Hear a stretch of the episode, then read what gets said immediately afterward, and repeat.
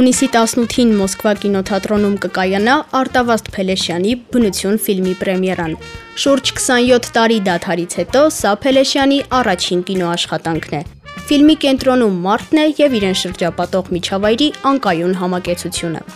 2021 թվականի սեպտեմբերին այս կինոնկարը մասնակցել է New York Film Festival փառատոնին, այնուհետև Ամստերդամում դոկումենտալ կինոյի միջազգային թիվ 1 փառատոնին, որտեղ էլ Փելեշյանը կինոյի ոլորտում ունեցած մեծ ավանդի համար արժանացել է Life Achievement Award հատուկ մրցանակի։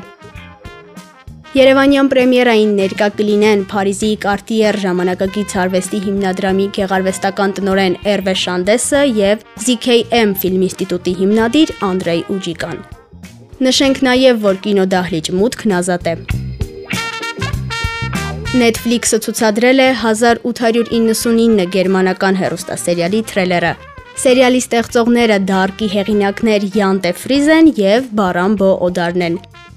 8 իրար հաջորդող սերիաների ընթացքում կիմանանք, թե ինչ սարսափելի գաղտնիքներ է բացահայտում առեղծվածային նավը, որը հայտնաբերել են մի խումբ միգրանտներ Եվրոպայից Նյու Յորք մեկնելիս։ Սերիալի հեղինակները նշել են, որ ճանապարհորդները չեն տեղաշարժվի ժամանակի միջով, սակայն կինոմանների համար սերիալի սյուժեն կդառնա զվարճալի գլուխկոտրուկ։ Queen Rock խումբը սեպտեմբերին կթողարկի Face It Alone երգը։ Սա խմբի լեգենդ Ֆրեդի Մերկուրիի անավարտ ստեղծագործությունն է, որին Queen-ի անդամները որոշել են կյանք տալ։ Կոմպոզիցիան վերցված է ռոք խմբի 13-րդ ստուդիական ալբոմից The Miracle-ից, որը թողարկվել է 1989 թվականին։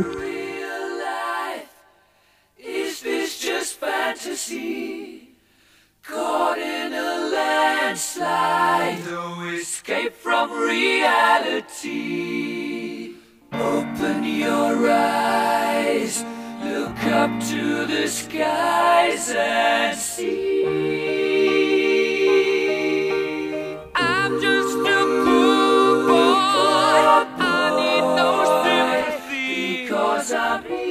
come, easy go, little high, little low. Any way the wind blows doesn't really matter to me.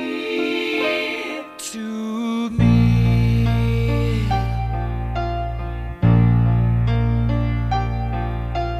Mama just killed a man,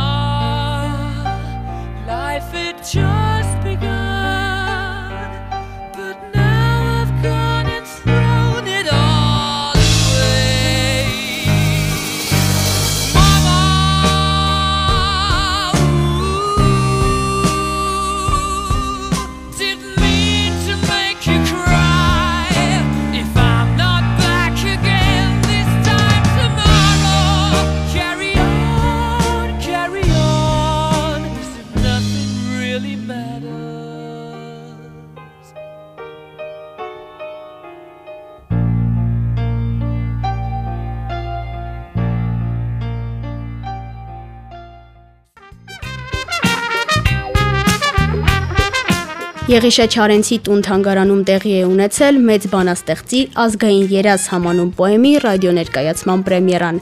Այս ստեղծագործությունը պոետի սթափեցման կոչն է ուղված ազգային գործիչներին եւ ժողովրդին։ Նոր ձևաչափով մոտեցումը նվիրված է Չարենցի ծննդյան 125-ամյա հոբելյանին։ Ռադիոներկայացումը կազմակերպվել է Եղիշե Չարենցի տուն թանգարանի եւ Հայաստանի հանրային ռադիոյի համագործակցությամբ։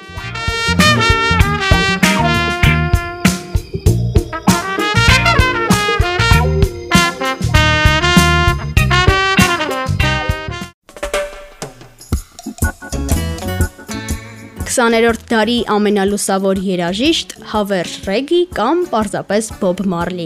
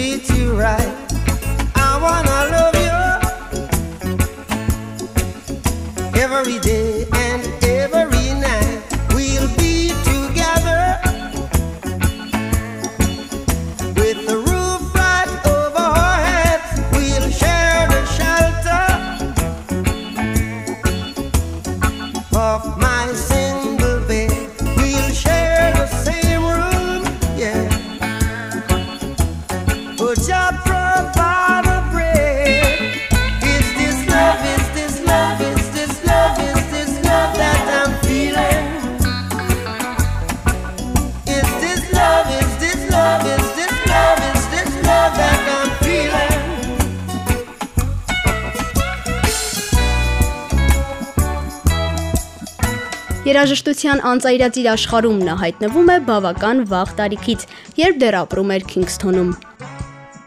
Հենց այստեղ էլ ծանոթանում է բան նիմականունով Նևիլ Լիվինգսթոնի հետ եւ բացվում է ապագա լեգենդի ճանապարհը։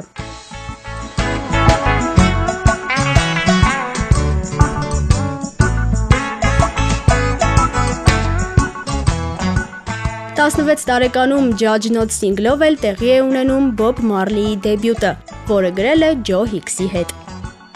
Հիքսի օգնությամբ Marley-ն հիմնում է The Wailers վոկալային խումբը։ Երկար տարիներ խումբը հաջողություն չի ունեցել եւ միայն 1972 թվականին պայմանագիր է ստորագրել Island Records միջազգային ընկերության հետ ու թողարկել Catch a Fire ալբոմը, ինչը դարձել է նրանց առաջին արտադրանքը, որ դուրս է եկել Ճամայկայի սահմաններից։ Հետագայում The Wailers-ի կազմում արտիստն ընդգրկում է Trees կանացի վոկալ ստուդիոն եւ փոխում խմբի անունը, այն անվանելով Bob Marley and the Wailers։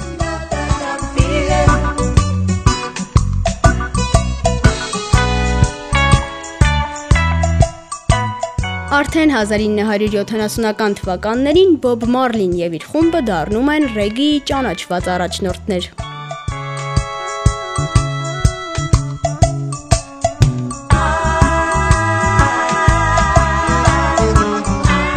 Խմբի կատարմամբ համաշխարային հիթ դարձած No Woman No Cry ռեգի ոճի երգը թողարկվել է Netty Dread ստուդիական ալբոմում 1976 թվականին։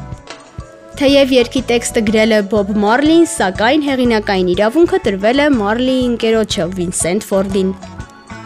Marley-ն այս երգը գրել է այն ժամանակ, երբ նրա մայրն արդեն ուներ առողջական խնդիրներ։ Երգի բնագիր տարբերակում հնչում է No woman, nah cry, այսինքն կարիք չկա, կին, միլացիր։ Սինգլի միջոցով արտիստը մխիթարում է կանանց, հորդորելով, որ ամեն ինչ լավ է լինելու։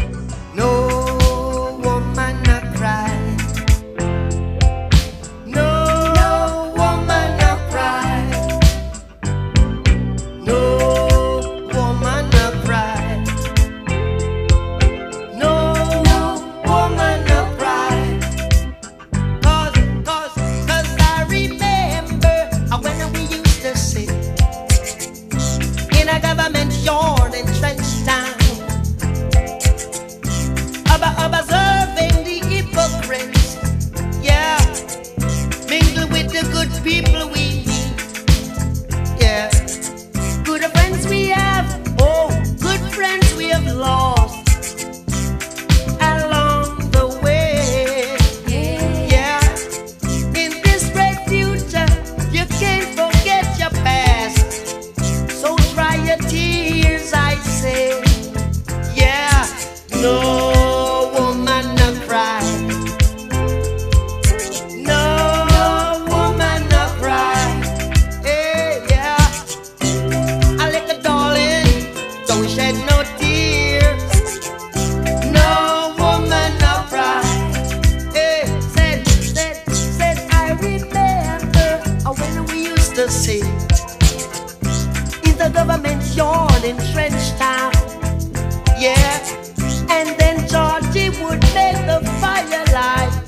I say. A like a wood burning through the night. Yeah. Then we would cook cornmeal porridge. I say, of which I'll share with you.